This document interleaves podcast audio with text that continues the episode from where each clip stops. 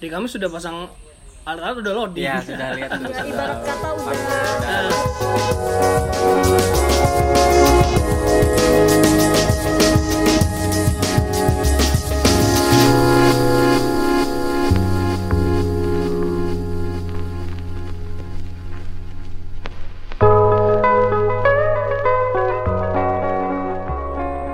Jadi guys, balik lagi di podcast Tri Activity KKN Ilmu Komunikasi Fisik ULM bareng aku Noni dan dan aku Waji Eh, oke kali ini kita sudah bersama salah satu penggiat dari industri musik yaitu Bang Ayub yang dari Bilik Bersenyawa Ye. kita sapa dulu nih Bang Ayubnya. Halo Bang Ayub. halo Bang Halo, apa halo. kabar Bang baik baik baik baik Masih semangat kan Bang ya? semangat dong Kita juga semangat nih karena kita udah sama Bang Ayub Iya, yang paling apalagi disuguhin Wih, makanan mantep. makan makan dulu Bang. Sudah sudah sudah sudah. Oke bang, eh, langsung ke pertanyaan ya. Eh, kemarin kan kita sempat eh, berada di posisi yang mungkin krisis lah, kalaunya yang dulu ya mungkin beberapa bulan yang lalu. Nah jadi kan saya mau tanya nih, eh, kemarin kan waktu bilik bersenya bersenyawa eh, di masa PSBB kemarin, apakah sempat terhenti pe- apa tuh maksudnya pergerakannya atau tetap Kegiatan. jalan melalui ya yang lain lah mungkin dari online atau apa pun itu Soalnya kan basicnya bilik bersenyawa kan industri kreatif di bidang Iya. musik ya Ah, gitu. benar. Jadi eh, di awal pandemi itu kita sempat shock juga karena memang kita akhirnya nggak bisa bikin eh, kegiatan off off air lagi kan, Eh, nggak nggak ada bikin gigs atau event atau sharing session kecil-kecilan lagi, di mana alternatif space yang selama ini kita kita sewa tempatnya akhirnya kita nggak bisa eh, balikin buat biaya sewanya. Eh, jadi akhirnya kita kita lepas kayak gitu aja kita berbenah lagi. Saat sempat sempat tertati tuh satu satu bulan kurang lebih satu bulan akhirnya kita mikirnya ya udahlah kita maksimalin media sosial kita aja kita kita maksimalin lagi eh, Instagram YouTube sama web kita buat jadi media dulu eh, sambil nunggu timing yang pas buat berkegiatan lagi Eh, berarti lebih jalan ke virtualnya gitu Iya, ya mungkin. virtualnya. Oke. Eh, ya, terus ini bang eh, masalah ada acara di nyadain acara nih nyadain acara di secara virtual dan offline itu kan pasti sangat berbeda tuh. Dengan orang-orang bilik kan tentunya pasti banyak kan ya bang? Hmm. Nah, terus ke sedangkan untuk mengadakan acara sebagai virtual itu mungkin cuman apa ya maksudnya tuh nggak nggak nggak banyak orang juga nggak apa-apa gitu. Jadi itu gimana tuh Bang cara pembagian dari kerja atau apa gitu. Iya, buat tim Eh, produksinya, pembagian job desk-nya lah. pembagian job desk sama orang-orang yang terlibat di dalamnya gitu. sebenarnya malah lebih simpel sih daripada daripada ada kegiatan off air atau kegiatan kita bikin gigs biasanya atau acara acara apa pun itu karena yang diperlukan kan tim dokumentasi terus juga eh, operator buat monitoring live-nya sama eh, stage manager yang buat di studio karena kita pernah ada 3 sampai 4 kali bikin acara live itu di Instagram sama YouTube. Enggak terlalu ini sih enggak terlalu ribet sih. Paling yang ribet itu karena kita baru belajar tentang HD capture yang mana kita kita baru mainin alatnya. Itu alatnya biasanya kan buat live live di TV gitu. Dan kita baru pertama kali jadi rada riwahnya mempelajari itu aja sih. Sisanya aman enteng-enteng aja sih Berarti dari sisi teknologinya mungkin ada kemajuan ya mungkin ya karena adanya pandemi ini. Berarti salah satu pengalaman dari bilik juga ya bang buat yang kegiatan kayak gitu. Hmm. Yap, eh, jadi pengalaman juga sih, jadi pengalaman dan pembelajaran kita juga buat eh, nguasain teknologi lebih lagi. Uh, berarti uh, itu kan pasti ada perbedaan bang dari maksudnya perbedaan ini kan perbedaan apa sih ya anggap penonton lah gitu. Uh, dari penonton di saat off air dan saat virtual itu kan sangat beda tuh mungkin perasaannya. Jadi gimana nih cara ngebangun perasaan si penonton supaya tetap sama agar tetap apa ya maksudnya tuh tetap, Tetap bisa menikmati ya, tetap bisa karya-karyanya merasa. gitu. Soalnya kan kalau yang off air itu kan bisa tatap muka langsung nih sama ya ada dapat lebih dapat feel-nya lah gitu mungkin. Iya. daripada bisa bersentuhan Iya. juga. Iya, be- bisa seneng teriak bareng bisa Iya, betul. teriak bareng bisa iya, Nonton- nyanyi bareng juga kan. Hmm, nonton bareng siapa gitu Iya. sama doi sama apa. Kalau sekarang kan ter, ter- apa sih? Ter, terkendala lah Terkendala. mungkin.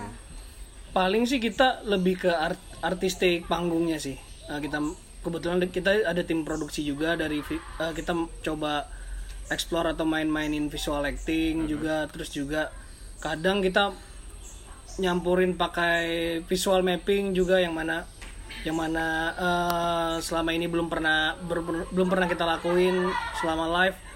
Terus juga untuk teman-teman yang teman-teman yang kelewatan buat buat nonton itu kita kita kita kita simpan video atau rekamannya di di YouTube dan di di Instagram. Paling itu sih yang yang memang supaya ngebangun mood tadi kan moodnya penonton lebih ke itu sih artistik eh, si penampil sama eh, suasana di tempat live-nya. Itu aja sih. Berarti langsung karyanya yang berbicara ya. iya. Sesuai tema kita ya? Oke karya yang berbicara biar penonton itu ngerasain hal yang sama meskipun nontonnya secara offline atau on air gitu. Jadi kan buat yang selanjutnya ke depannya itu meskipun harus ngadain yang online lagi udah terbiasa udah bisa udah pernah gitu ya. Ya betul. Gitu. Eh, jadi terus gini aku mau nanya ini bang. Eh, kemarin kan itu yang dulu kan yang lewat media itu kan. Ya terus terus sekarang nih eh, saat ini kan sudah kita sudah memasuki tahap new normal nih. Apakah dari bilik sudah pernah ngejalanin acara beberapa mungkin untuk acara kecil-kecilan tapi dengan sesuai protokol yang ada? Atau lagi mau garap yang baru gitu? Ya. Hmm. Sudah ada sih kita ada sampai dua kali acara eh, di salah dua kafe, yang mana eh, yaitu di sosial media untuk publikasinya kita tekankan juga, terus ada flyer khusus juga buat protokol menjalin protokol kesehatannya juga, terus juga kita ngasih tahu ke penonton bahwa eh, apa pengunjungnya harus eh, jaga jarak. Terus juga kapasitasnya 50% dari da- dari dari kafenya. Kita juga nyediain tempat buat cuci tangan dan hand sanitizer juga seperti itu sih. Kayak terakhir kita ada paling baru tuh ada beberapa minggu yang lalu kita bikin sharing session dan launching video klip salah satu band band lokal. Yang mana setelah setelah di launching perdana video klip mereka eh, teman-teman dari tim videografernya sharing session juga buat ceritain pengalaman pengalaman pe- pembuatan video klipnya. Eh, ini mungkin ya lebih apa ya maksudnya tuh nggak mau nanya lagi nih tapi mungkin bukan ke tentang musiknya tapi lebih ke medianya sih ya. jadi kan dari bilik kan ada punya web YouTube sama Instagram ya Pak? Hmm. nah aku mau nanya nih mau mungkin ya jauh lah dari Hmm. musik gitu menurut pendapat ya menurut dari bang dapat bang Ayub nih eh, kan di YouTube itu kan ada yang namanya thumbnail atau clickbait kan Yap. ya nah, jadi kan eh, si bilik ini kan untuk menarik masa menarik masa untuk menonton itu kan pasti ada kiat-kiat ya cara-caranya gimana yang jelaskannya bukan dari bilik sih anggapannya nih ada ada media lah gitu. Ada media yang mempunyai media online di web kan. Nah, terus dari si media ini kan si wartawan anggapannya. Wartawan kan pasti mempunyai cara tersendiri untuk menarik Pembaca pembaca atau pembaca. penonton. ya pembaca.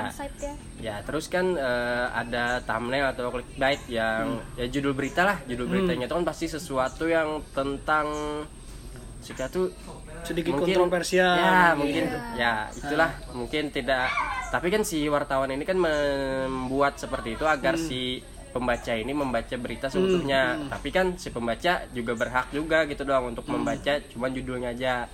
Jadi aku mau tanya itu salahnya ada di siapa sih? Ada si di si wartawan atau si pembaca atau tanggapan dari Bang Ayub deh gimana?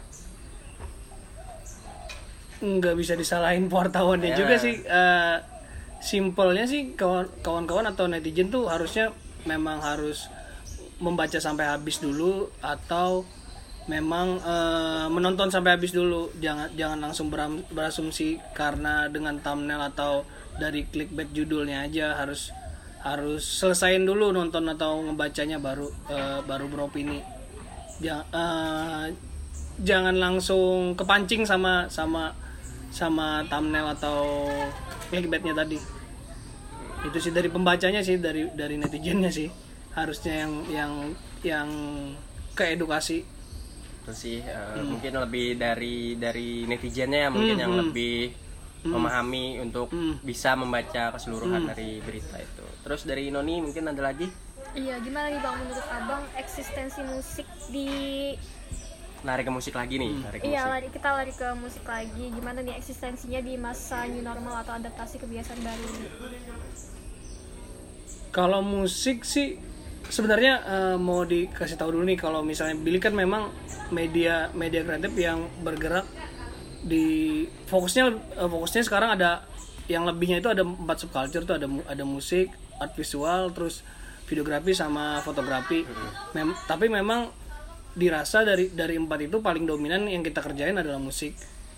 Uh, terus kita ada bikin konten nih uh, konten konten mingguan gitu yang mana kita uh, ngasih informasi ke kawan-kawan uh, bahwa apa aja sih ke apa aja sih yang ter- uh, yang lagi terjadi di di movement atau industri kreatif lokal?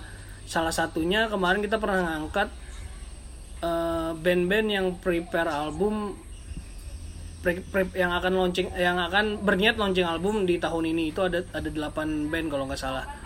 Dari 8 itu kita angkat beritanya di di sosial media kita. Eh ternyata banyak lagi nih teman-teman yang ngasih tahu bahwa oh band kita juga band ini juga band ini, ini segala macam kalau nggak salah itu kita bak rencananya kita bakal ngangkat isu itu lagi eh bakal ada part sat- part 2 part 3 nya juga karena memang ternyata di di tengah pandemi makin banyak teman-teman yang makin semangat buat Buat buat nah ini dijadi dijadiin dijadiin eh, kesempatan atau timing yang pas buat buat buat teman-teman bikin lagu bikin bikin materi materi album dan lain-lain sih. Yang yang aku lihat pribadi sih secara eh, secara subjektif kayak gitu sih. Eh, karena memang berdasarkan dari dari konten yang kita angkat kemarin ternyata banyak wah ternyata banyak lagi loh yang ya yang memang bersiap untuk launching album tahun ini. Karena memang pandemi kan nggak ada nggak ada acara nggak ada nggak Ya, ada kegiatan sama Ah. sekali. Akhirnya kawan-kawan punya space waktu yang banyak buat ngerjain itu jadi mungkin dari bilik mungkin lebih menyiap apa maksudnya mensupport lah mensupport musisi lokal iya untuk maju. bener. Ah. Dan rilisnya pun secara online juga ya. Eh, karena ya mungkin mem- memanfaatkan ya lah memanfa- memanfaatkan apa nih maksudnya kondisi yang saat ini mungkin untuk semuanya jalan jangan online terus gitu. Hmm, karena menurutku sih kreativitas itu adalah eh, adalah solusi dari dari dari sum- dari sebuah masalah dengan menggunakan ide. Kalau pandemi dianggap sebagai sumber masalah, berarti pandemi juga bisa dianggap sebagai ladang kreativitas. keren keren Terutama buat menghemat biaya ya gitu ya. betul sih itu betul. Sekali dayung dua tiga portal. Iya. Iya. Ada banyak yang bisa kita ambil manfaatnya dari semua kejadian ini. Yoi.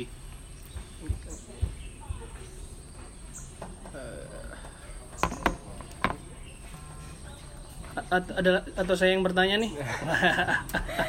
Santai aja dulu kita habis berjerat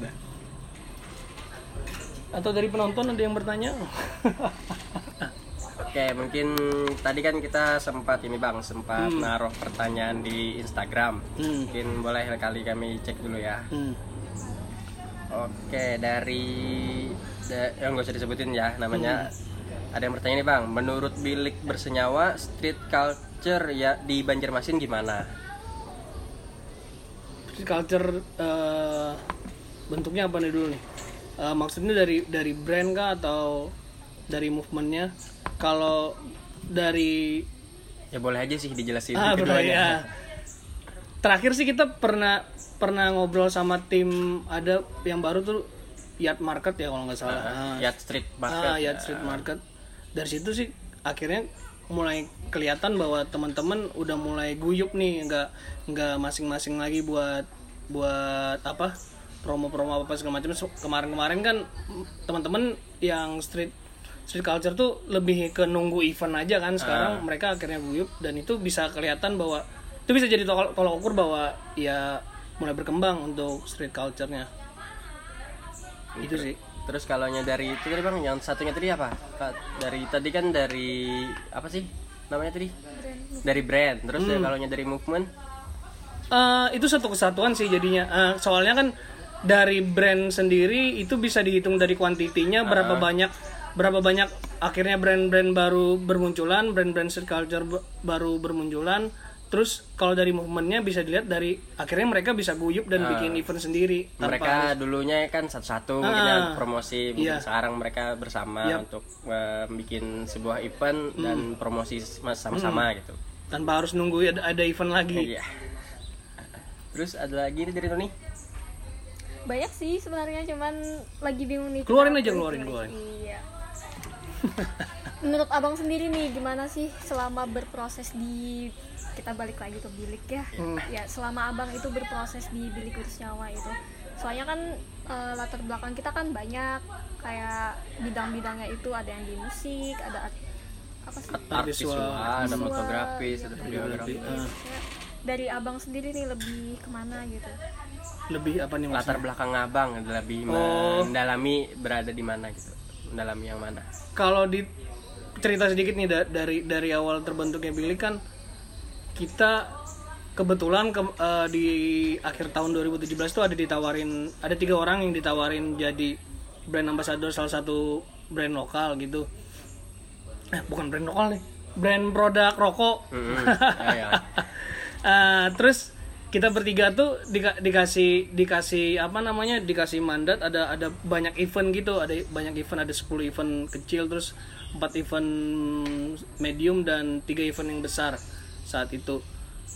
Akhirnya kita mikirnya daripada kita jalan masing-masing mending kita bikin bikin kelompok kelompok eh, media kreatif lagi karena memang yang aku dari dari sebelumnya aku dari FNR Project itu lebih ke geek minded atau suka bikin yang musik aja kan untuk event musik aja. Terus yang dua itu eh, anak art visual.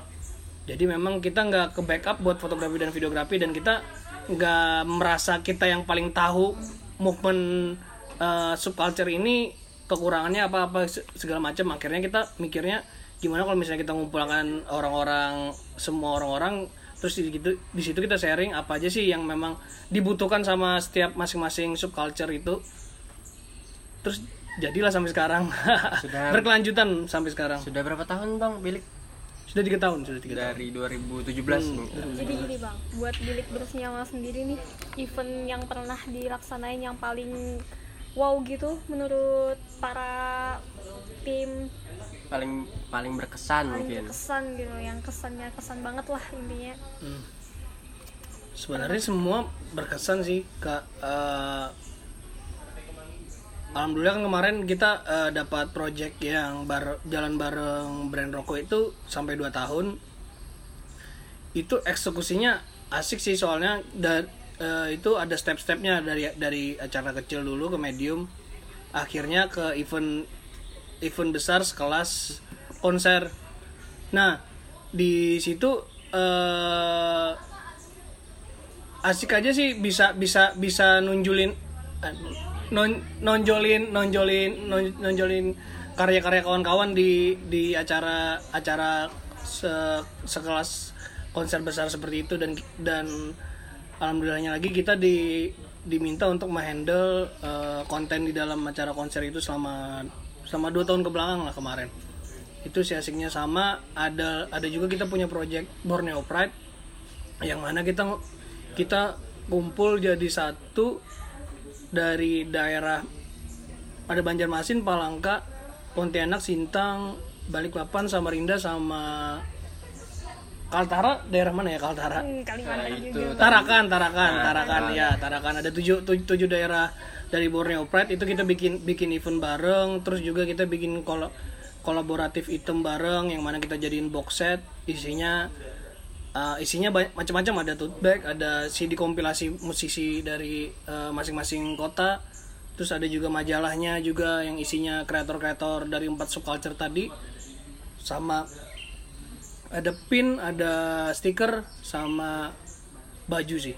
paket Uh, lengkap ya bang Iya, dijadiin satu satu satu paket komplit buat dan, dan apa hasil kolaboratif kolaboratif item dari tujuh kota. buat kenang-kenangan yang itu ya kenang-kenangan dari acara Ah, kenang-kenangan dari lebih senang lagi karena itu sih karena bisa berjeja berjejaring sampai Ah, ke kota-kota lain. ah. tujuh tadi ya tujuh Hmm, tujuh kota lain. Eh, terus di di awal kan mungkin ya dari awal tahun 2020 kemarin bang mungkin dari bilik bersenyawa mungkin sudah ada beberapa event yang sudah dikonsep yang mau dijalankan terus eh, adanya pandemi ini mungkin dibatalkan atau apa bang gitu ada yang diundur atau dijalankan secara online atau apa pun itu tetap ada ataukah Hmm. kita harus mundur untuk ta- tahun depan atau apa? Atau putar haluan ke mana? Enggak sih paling kita kemarin yang pas yang di alternatif space kita kemarin namanya rumah tamah kan. Di rumah tamah kemarin itu eh, awal pandemi bulan Maret ya kalau nggak salah. Awal, awal bulan Maret dan pertengah dari pertengahan Maret sampai bulan Mei itu kita padahal udah scheduling eh, kegiatan teman bareng teman-teman ah, ya. komun- komunitas ko- komunitas komunitas. Jadi meskipun acaranya skala kecil tapi memang kita pengen banget itu itu kegarap paling eh, nuntasin itu dulu sih. Sisanya yang untuk event-event besar itu biasanya ngikutin dari sponsor juga sih. Kalau misalnya sponsor percaya sama kita yang ngegarap kita ayo kalau enggak ya udah kita jalan jalan eh, bareng komunitas-komunitas aja dulu meskipun skalanya kecil berar- tapi keseruannya tetap dapat gitu ya bang iya benar sekali Berarti tadi mungkin ada yang masih ditunda ya bang. Tadi mungkin ada yang mau Ah, gara-gara tetap pandemi. dijalankan, tapi gara-gara adanya pandemi. Nah, terus gini bang, eh, tadi kan aku lihat ini ada ada dari pemerintahan kota kita sendiri nih. Ada Hmm. Dari siapa ngadain- tuh?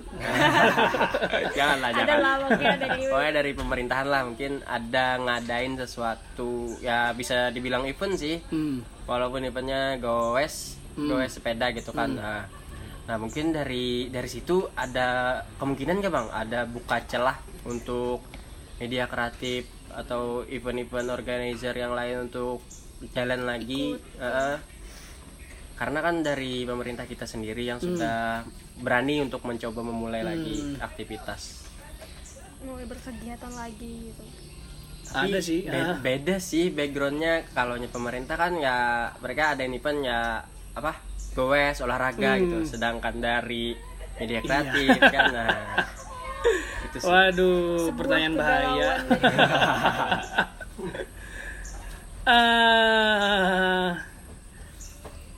Mungkin bisa aja sih kalau teman-teman media kreatif atau event organizer bikin acara juga tapi dalam skala kayak kemarin kita udah sempet satu dua kali event Hah? dan itu kita ngikutin protokol yang ada sama perizinan juga udah sudah sudah kita urus juga. Eh, nggak ada gangguan sama sekali sih saat itu. Mungkin ya event organizer sama media kreatif lebih ke main aman aja sih dulu karena memang tadi yang kita lihat kan eventnya bahasa bahasa halus kedok apa sih? Iya itulah pokoknya ada goesnya kan otomatis. Iya, itu ada kan eh, olahraganya. ada olahraganya. Nah, jadi ya aman-aman aja sih karena olahraga kan. Berarti sambil nunggu perkembangan juga Ah, ya, Bang? mungkin ke ke event yang skala kecil aja sih dulu kalau mau cari aman sambil cek ombak.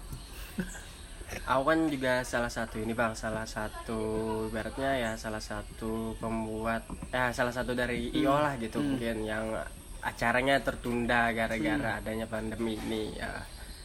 Dari kami kan kemarin sudah sempat konsultasi nih bang sama beberapa orang dari pemerintahan lah. Hmm.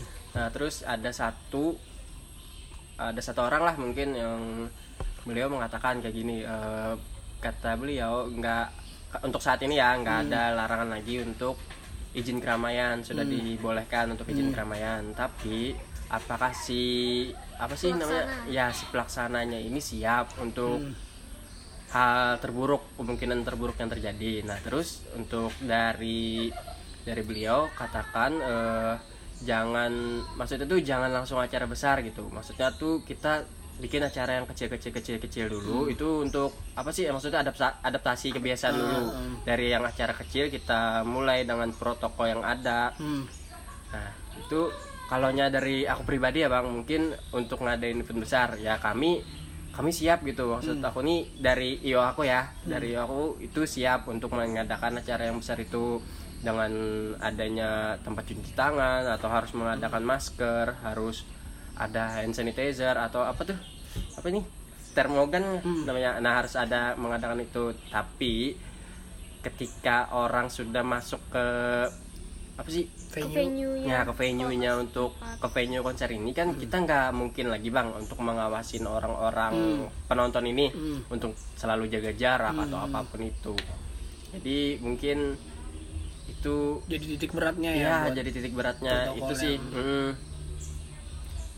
Dari bilik apakah kalaunya seandainya sudah terkonsep nih acara yang besar seperti itu apakah bilik tetap berani jalankan atau tetap jaga aman?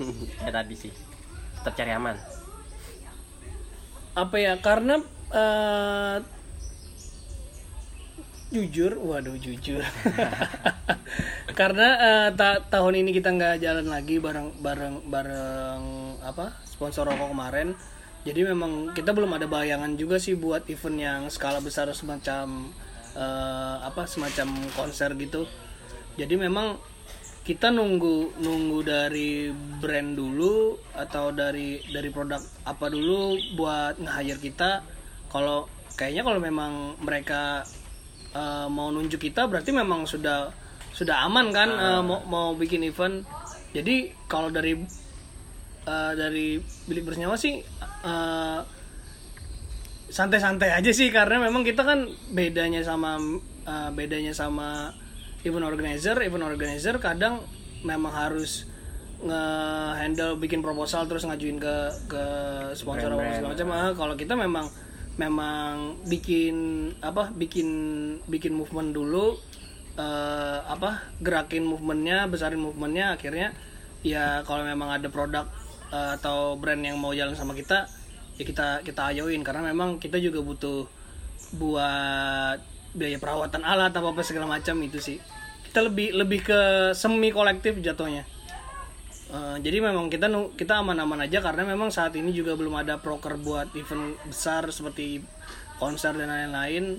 Dan kita memang biasanya nunggu dari nunggu nunggu nunggu sponsornya datang sendiri. Nah, Ah, oke, ah, mungkin ya ini lebih dari ke lebih ke sharing mungkin ya. Ah, gini bang, eh, kemarin kan kami itu ting acaranya kan pertama itu bulan Maret nih, bulan Maret pas awal. ya awal acara itu kan rencananya bulan Maret. Terus Hamin dua minggu sebelum acara corona masuk di Indonesia. Jadi oh masih mending mas dapat berarti kabar mengejutkan masih gitu. mending hamin dua, dua minggu kita kan hamin hamin berapa hamin empat hamin, Amin empat empat Hamin empat itu Acara di, juga. ditunda. ditunda eh, yang kemarin yang di lapangan Brimob Oh iya iya iya. oh, oh iya hari Kamis kan acaranya hari hari Sabtu apa? hari Kamis sudah pasang alat-alat udah loading Iya sudah lihat tuh. ya sudah ibarat kata udah panggung sudah masuk. 80% itu Hmm, tiba-tiba hmm. ambiar langsung tapi ya itu eh, bedanya lagi kan eh, bilik sama event organizer kita cuman nge, nge nge-handle konsep eventnya sama paling eh, ya nge-handle konsep, konsep eventnya yang eksekusi di lapangan tetap di backup sama event organizer biasanya yang aku mau tanya nih bang, eh, masalah sharing tadi nih ya, sharing Hmm. eh, gini. Karena kami ini kan sudah siap nih, maksudnya Hmm. sudah siap nih kan kami sudah jual tiket atau apa pun itu. Mungkin kan dari dari si penonton ini kan lebih itu lebih terus nanya nih ke kami kan kapan ini? Kapan? Kapan? Kayak kapan? sabar gitu. ya mereka sih nggak ada juga sih beberapa penonton yang bilang "Eh, tunda aja tahun depan untuk keselamatan bersama atau apalah gitu kan. Nah dari kami pun juga ingin sebenarnya ingin untuk melaksanakan acara itu mungkin kan karena sudah terlalu lama untuk ditunda dan uang si penonton kan nggak Hmm. maksudnya itu nggak terbayarkan lah mereka membeli tiket dengan acara yang selalu ditunda Hmm. gitu. Nah, kalau minta saran nih, aku cuma minta saran. Masuklah nih, lah. ya apa terserah buanmu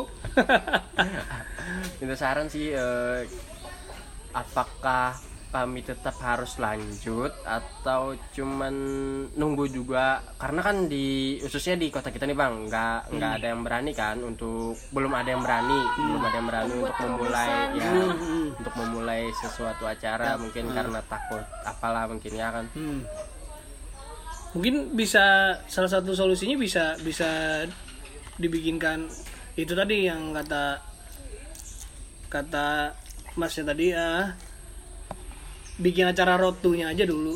Eh, rotunya biar ngebangun apa tensi penonton buat menujunya. Jadi eh, memang acaranya mungkin bisa satu sampai dua kali. Terus juga eh, ngundang secara khusus teman-teman dari teman-teman yang yang teman-teman yang udah bayar tiket di, dikasih free aja gitu kan buat eh, buat membangun suasana ah, bangun suasana tadi juga sama sama tetap tetap tetap apa animonya tetap terjaga buat sampai ke event sampai nunggu ke event yang sebenarnya Hmm. dilaksanain gitu takutnya kan nanti waduh udah basian nih nggak nggak asik lagi nih karena karena udah terlalu lama diundur-undur makanya buat ngejaga atau ngebangun ngebangun animo atau tensi si si calon pengunjung tadi bisa dibikinin road to-nya aja.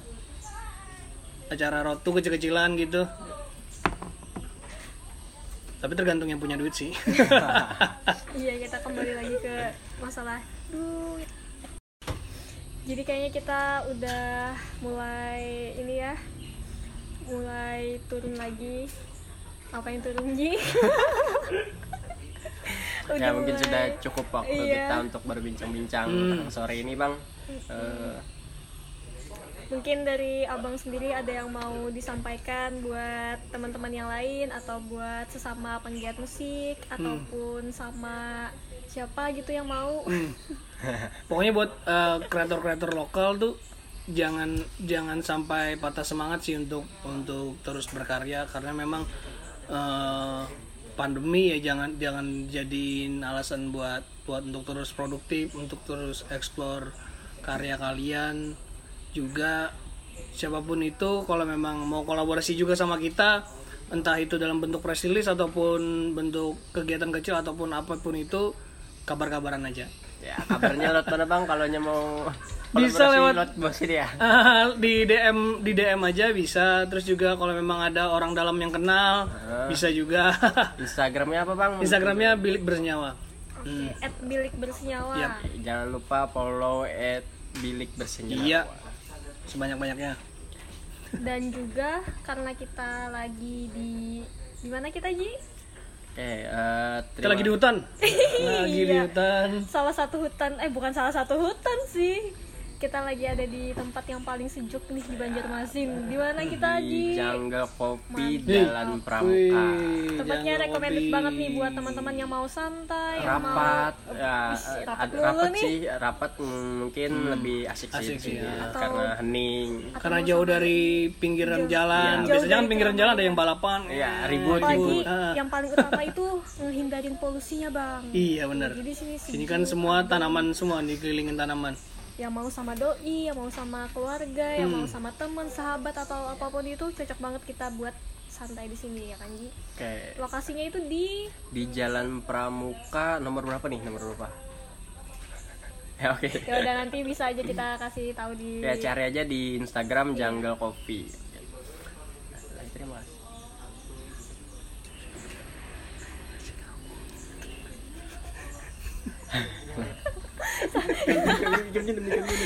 ketawa terus dari tadi kita karena kita udah mau ini ya udah mau di akhir-akhir kita ngucapin terima kasih banyak Terima kasih nih banyak kepada Bang Ayub Yap. sudah Hmm. bisa berbagi kisah eh, dengan kami. Oke, aku Aji. dan aku Noni dan aku juga apa nih dan oke kita bertiga nih aku Ah. Mas, Bang atau siapa pun itu yang penting yang paling wah gitu lah Hmm. sama narasumber kita paling kece ini. I- Ya, sukses terus pokoknya juga buat KKN Triaknya. Ya walaupun kakaknya dalam online ya. Iya, Iya, siap. dalam online iya. Ya, sekian podcast dari kami Creativity. Sekian dan terima kasih. Close the door. Ya.